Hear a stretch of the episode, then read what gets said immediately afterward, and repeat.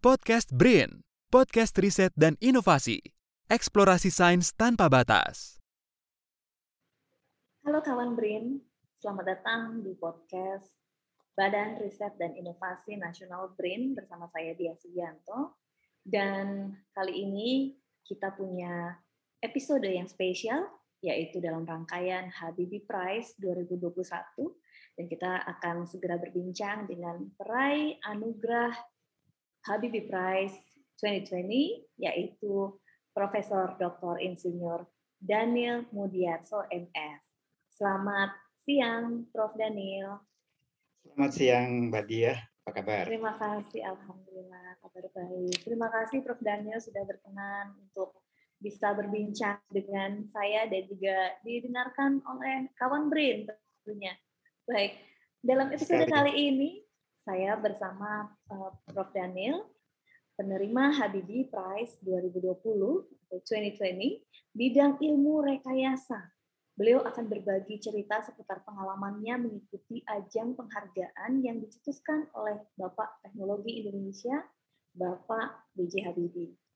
Dan sedikit pengantar bahwa Prof. Daniel adalah guru besar ilmu atmosfer di jurusan Geofisika Fakultas MIPA Institut Pertanian Bogor dan juga peneliti senior di Center for International Forestry Research atau CIFOR dan seperti yang kita ketahui, beliau juga sangat concern dengan bidang emisi gas rumah kaca atau GRK dan perubahan iklim dalam kaitannya dengan alih guna lahan, khususnya akibat deforestasi yang diikuti oleh pengembangan lahan pertanian. Prof. Daniel, sudah berapa lama kita nggak ketemu nih? Wah, lama sekali ya. Eh, ya setahun yang lalu mungkin. tahun yang lalu kira-kira. Yeah. Prof, uh, ketika mengikuti uh, ajang bergengsi Habibie Prize ya 2020 tahun lalu, seperti apa cerita background story-nya nih? Pengen tahu deh.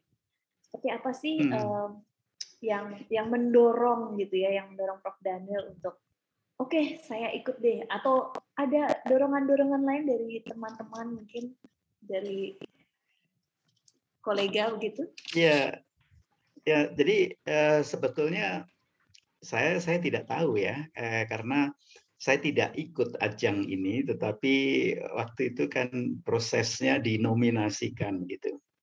Jadi uh, saya ditanya teman-teman dari Research uh, Center for Climate Change di UI, uh, apakah berminat begitu?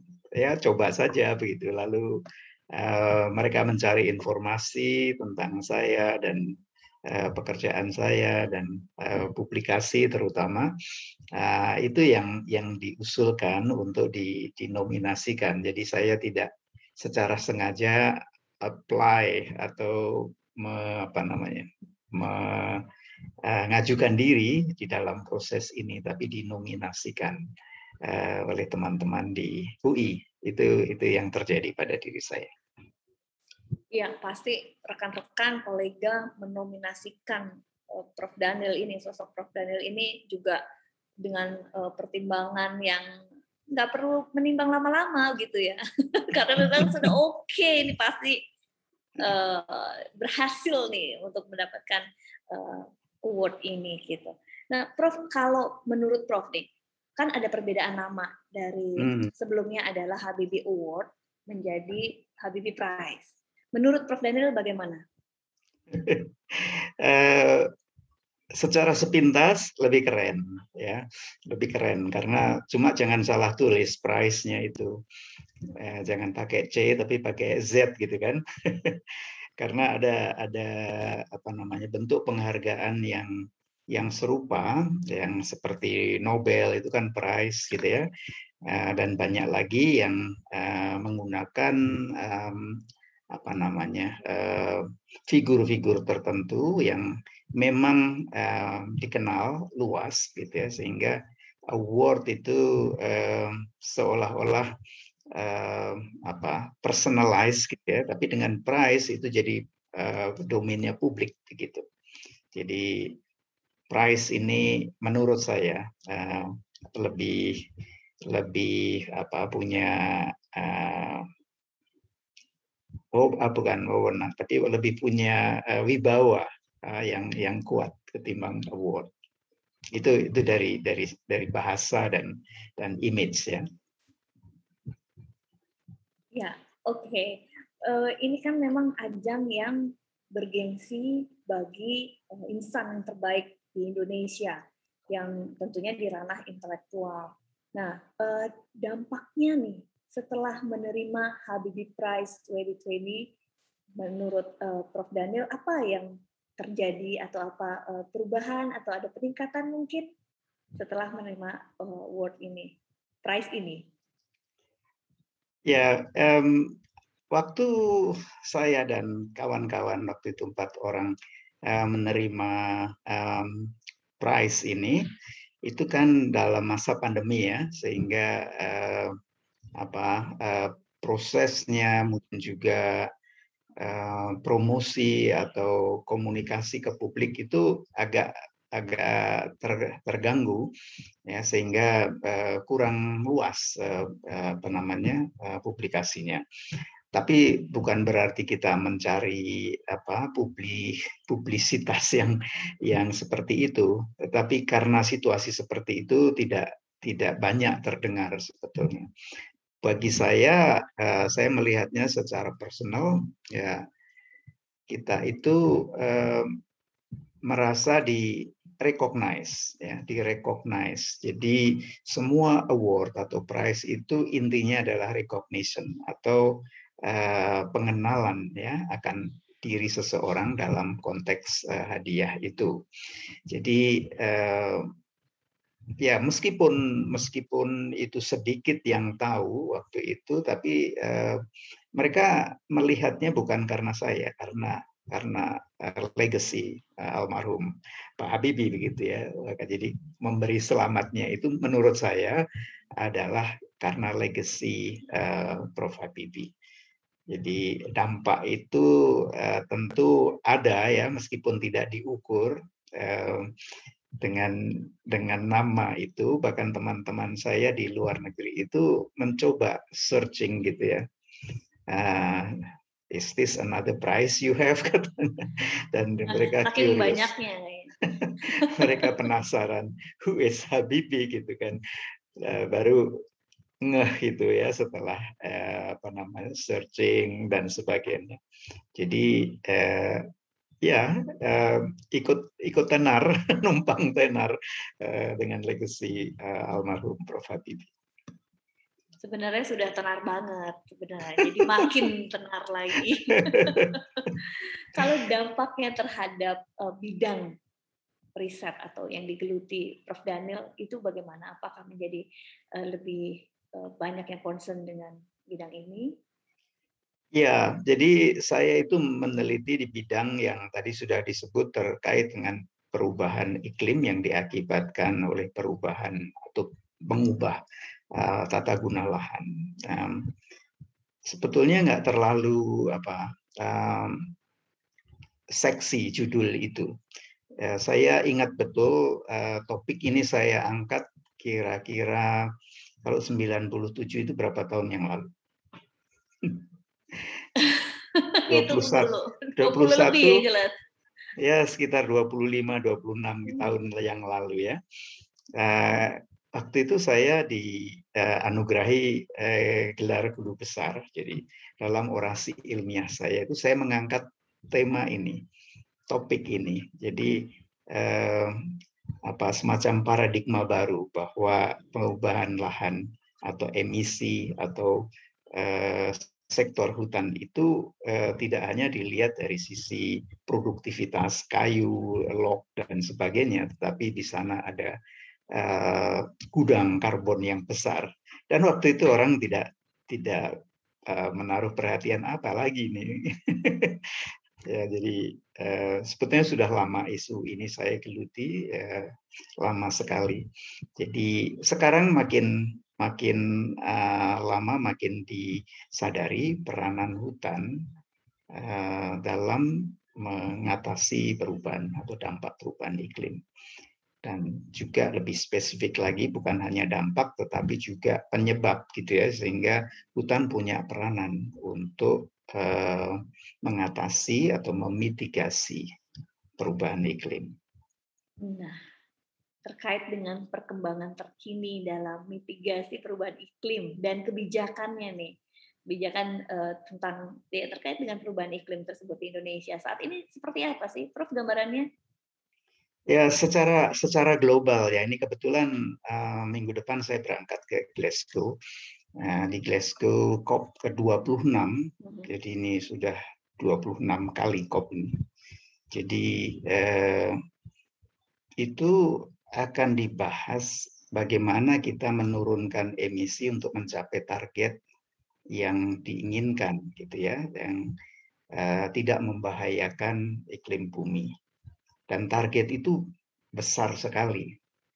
Um, diharapkan tahun 2030 itu uh, suhu udara kita tidak lebih dari satu setengah derajat dari suhu pada zaman industri itu tahun 2030 nanti. Hari ini kita sudah meningkat atau lebih tinggi 1,1 derajat. Jadi tinggal 10 tahun kalau uh, business as usual, cara kita mengelola hutan, cara kita membakar bahan bakar fosil, energi dan sebagainya sama seperti sekarang, kita nggak akan sampai ke situ. Ya.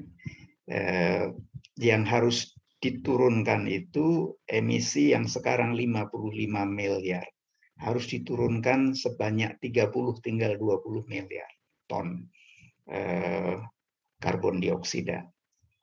Jadi bisa dibayangkan betapa beratnya eh, beban eh, bumi ini ketika harus menampung gas rumah kaca sebanyak itu dan kalau kita tidak melakukan apa-apa. Nah, dari eh, prediksi yang dibuat berdasarkan data yang masuk seberapa banyak negara-negara itu berbuat sampai 2030 itu kita nggak akan sampai juga. Ya. Jadi baru separuh dari harapan yang diturunkan itu tercapai hari ini. Dan mungkin juga sampai 2030. Itu eh, apa namanya startnya ya yang diharapkan nanti tahun 2050 itu betul-betul zero betul-betul nol emisi itu artinya yang diemisikan diserap lagi gitu Nah, untuk mencapai ke sana harus berlatih dari sekarang dan ternyata masih jauh. Masih belum cukup ambisius eh, negara-negara itu di dunia ini ya. Itu keadaannya. ya, itu kita sebut dengan net zero emission programnya ya, ya Prof. Ya. ya. Ya. Jadi tadi sudah dijelaskan bahwa ada yang harus dikejar nih gitu. Hmm. Dan cukup cukup uh, effort kayaknya nih ya Prof ya. Besar sekali dan iya. biaya ya. Hmm. Dampak Apa? dari penur dampak ah. dari penurunan itu adalah biaya. Jadi kita harus invest sesuatu uh, untuk menurunkan emisi atau menunda sesuatu yang tadinya menguntungkan secara ekonomi tetapi merugikan secara lingkungan itu kan seperti trade off gitu ya mau untung tapi kotor udaranya atau mau sedikit saja untungnya atau sedikit rugi dulu supaya tidak terlalu kotor gitu. Iya, iya, iya. Ya, jadi, ya, jadi ada trade off. Iya, jadi itu tadi mungkin salah satunya adalah uh, pembangunan infrastruktur, kemudian ada inovasi-inovasi, begitu ya Prof ya. Lebih detail lagi mungkin bisa dijelaskan Prof Daniel mengenai penerapan program net zero emission di Indonesia nih khususnya. Ada mungkin ada simpul-simpul yang yang perlu ya. ditangani yeah. uh, prioritas kira-kira gitu. Bagaimana yeah. caranya nih? Ya, jadi emisi itu um, ada dua sumbernya ya, dua kelompok besar yang tadi saya sebut eh, dan, dan saya tekuni adalah dari sektor lahan, ya dari sektor penggunaan lahan, konversi hutan, penggunaan lahan untuk pertanian dan sebagainya. Itu itu sumber pertama cukup besar ya, mungkin sekitar 17-20 persen. Tapi yang paling besar, yang paling utama adalah sumbernya dari energi, pembakaran energi fosil. Ya, kalau kita punya minyak, batu bara, itu dibakar, itu kan mengemisikan CO2. Nah, yang harus diganti dengan dengan energi baru dan terbarukan ya, yang yang tidak uh, mengemisikan sebesar itu. Nah, jadi uh, berbicara mengenai Indonesia, sebetulnya sektor lahannya sudah sudah baik ya, we are in a good shape gitu. Uh, bahkan pemerintah mencanangkan tahun 2030 itu Eh, sektor ini sudah menjadi sing, artinya tidak mengemisikan lagi, bahkan menyerap. Hmm. Jadi eh, upaya-upaya yang dilakukan 10 tahun terakhir ini sudah cukup keras ya. Dan sektor lahan kurang lebih tertangani ya, hanya 0,4 persen pertumbuhannya. Tapi sektor energi itu tumbuh 7 persen emisinya dan kita di dalam rencana jangka panjang kita itu masih akan menggunakan batu bara tak, sampai 2045. Itu sekitar 25 persen penggunaannya. Sehingga emisi kita dari energi itu tumbuh 7 persen. Ya, jadi eh, sekarang pertanyaannya ya dengan biaya yang tadi saya singgung yang mahal itu, apakah kita akan uh, bukan coba-coba ya, tetapi berhitung uh, berapa emisi yang boleh kita izinkan terjadi dari sektor energi uh, menuju ke net zero emission itu. Mm-hmm. Nah, itu ber, berbiaya ekonomi. Tetapi kalau itu tidak dibiayai, mm-hmm. pertumbuhan ekonomi justru lebih parah gitu ya. Dengan kata lain, sebaiknya pertumbuhannya tidak terlalu tinggi tetapi emisinya rendah daripada pertumbuhannya tinggi tetapi dampaknya ke generasi yang akan datang itu besar sekali karena terlalu kotor untuk di, dibersihkan gitu. Ya, itu mungkin masuk dalam strategi jangka panjang gitu ya untuk skenario nya rendah ya. karbon dan bagaimana ketahanan iklim di Indonesia. Jadi um, ya di ini kalau di sini uh, mungkin kita bisa sebut long term strategy low carbon climate resilience yang LTS LCR, LCCR ya kan ya, hmm. ya Prof ya Indonesia di yeah. 2050 nanti gitu ya. Prof tadi ada masalah biaya nih kan mahal sekarang tapi ke depannya diharapkan bisa lebih uh, terjangkau gitu ya Prof ya. Hmm. Nah ini sama seperti uh, strategi ya mundur selangkah untuk bisa melompat yang lebih jauh gitu ya Prof ya. Yeah. Sebenarnya uh, apa sih yang harus kita siapkan nih Prof untuk bisa uh, mewujudkan itu? Lebih yeah. teknis mungkin uh, apakah yeah. membutuhkan riset misalnya, membutuhkan inovasi di bidang apa misalnya seperti itu atau kebijakan yang seperti apa nih yang masih belum ada dan perlu yeah. kita uh, perlu kita uh, dukung gitu. Ya, sebetulnya persoalannya bukan mundur selangkah untuk maju beberapa langkah, bukan. Hmm. Uh, jadi filosofinya itu adalah hmm. keadilan. Hmm. Ya, kalau kita sekarang mundur selangkah maju dua langkah, yang untung sekarang ini ya generasi sekarang ini. Ya, generasi Mbak Tia ini, saya nggak tahu umurnya berapa, adik-adiknya nanti yang sekarang SMA, uh, itu yang akan menanggung beban itu. Hmm. Jadi isunya bukan soal untung rugi, okay. ya, tapi keadilan, keadilan antar generasi. Nah ini kan hmm. susah uh, memonetize atau menghitungnya dengan uang, tetapi kita bisa perkirakan betapa sengsara atau beratnya ya anak saya, cucu saya hmm. eh, itu nanti ya kalau kita tinggali eh, warisi dengan hal-hal yang tidak kita bereskan sekarang. Ya, ya jadi eh, dan itu tidak terjadi di Indonesia saja di seluruh dunia begitu. Sehingga gerakan sekarang kalau tadi ditanyakan um, apa yang bisa kita lakukan, hmm. saya kira uh, generasi muda harus dilibatkan tidak cukup mengerti masalahnya, tidak cukup dibuat aware atau sadar, tetapi dilibatkan mengambil bagian sekarang juga ya, ketika nanti mereka uh, mengambil posisi-posisi penting itu sudah sudah tidak asing lagi dan tidak kaget gitu. Ya, Prof. Itu uh, berarti gerakan yang melibatkan para pemuda, remaja yeah, gitu ya. Yeah. Mungkin juga anak-anak juga harus dikenakan sejak dini Betul, gitu ya, Prof ya. Yeah.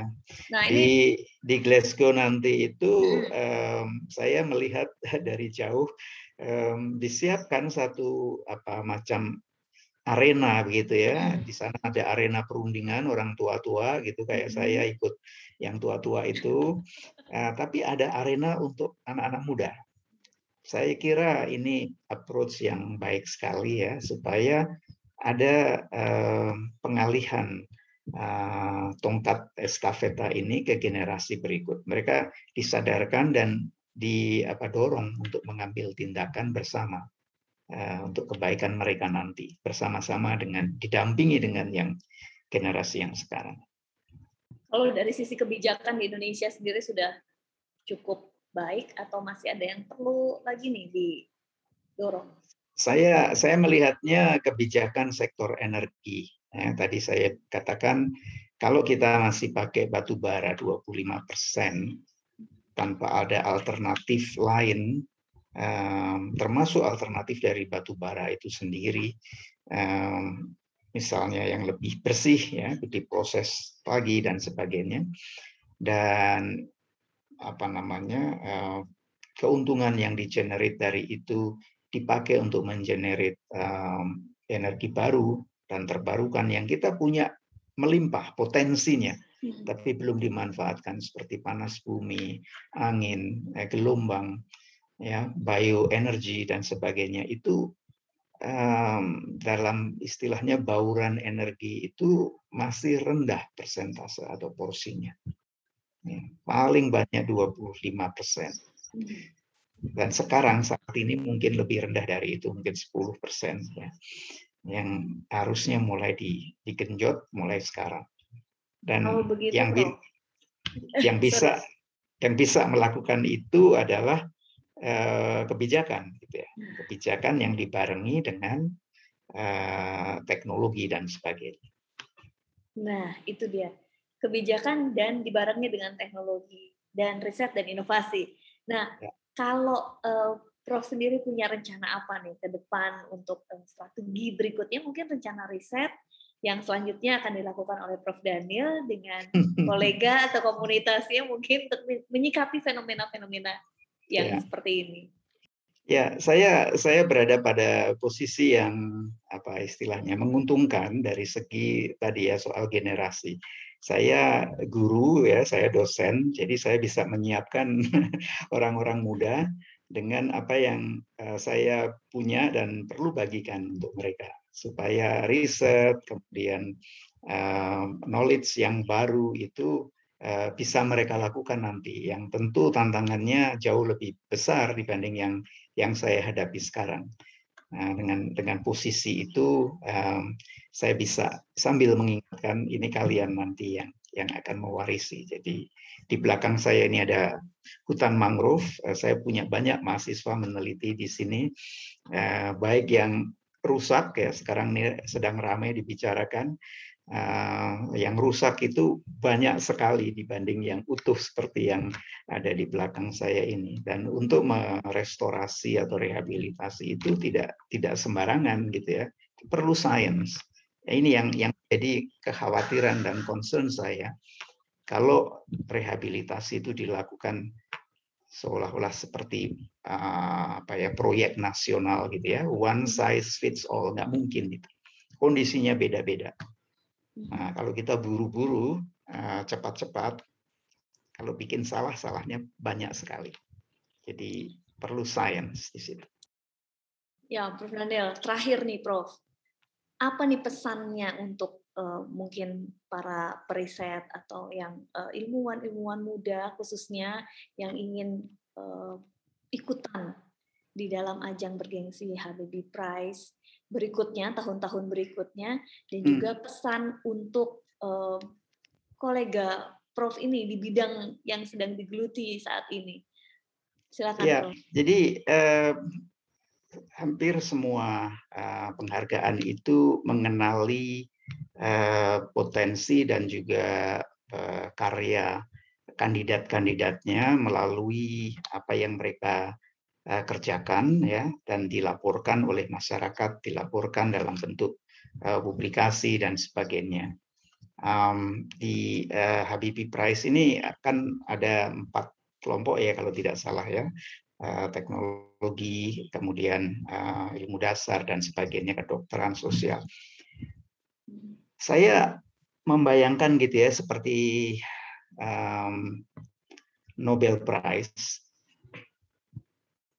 itu um, Habibie Prize itu bisa mengarah ke sana sehingga um, rekognisi itu betul-betul uh, mendorong yang belum mendapatkan uh, apa namanya penghargaan ini mencapai ke sana.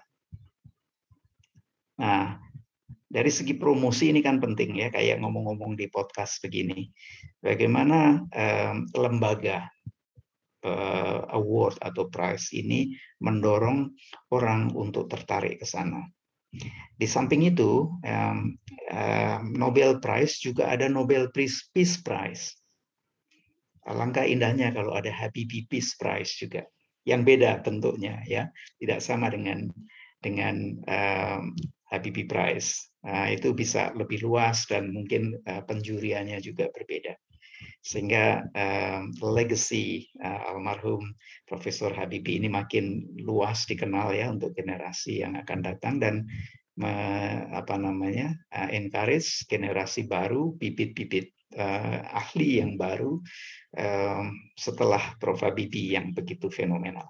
Ya. Terima kasih Prof. Daniel, idenya, Sama-sama. masukannya, juga pesannya, sarannya kepada kami dan juga generasi muda, juga seluruh komunitas periset di Indonesia khususnya. Dan Prof. Daniel, terima kasih sekali lagi untuk waktunya siang hari ini.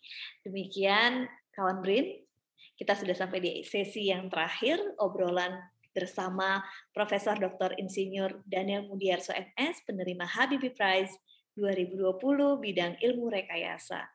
Dan semoga obrolan kita kali ini dapat bermanfaat. Dan saya pamit undur diri. Sampai jumpa di episode berikutnya. Salam eksplorasi sains tanpa batas.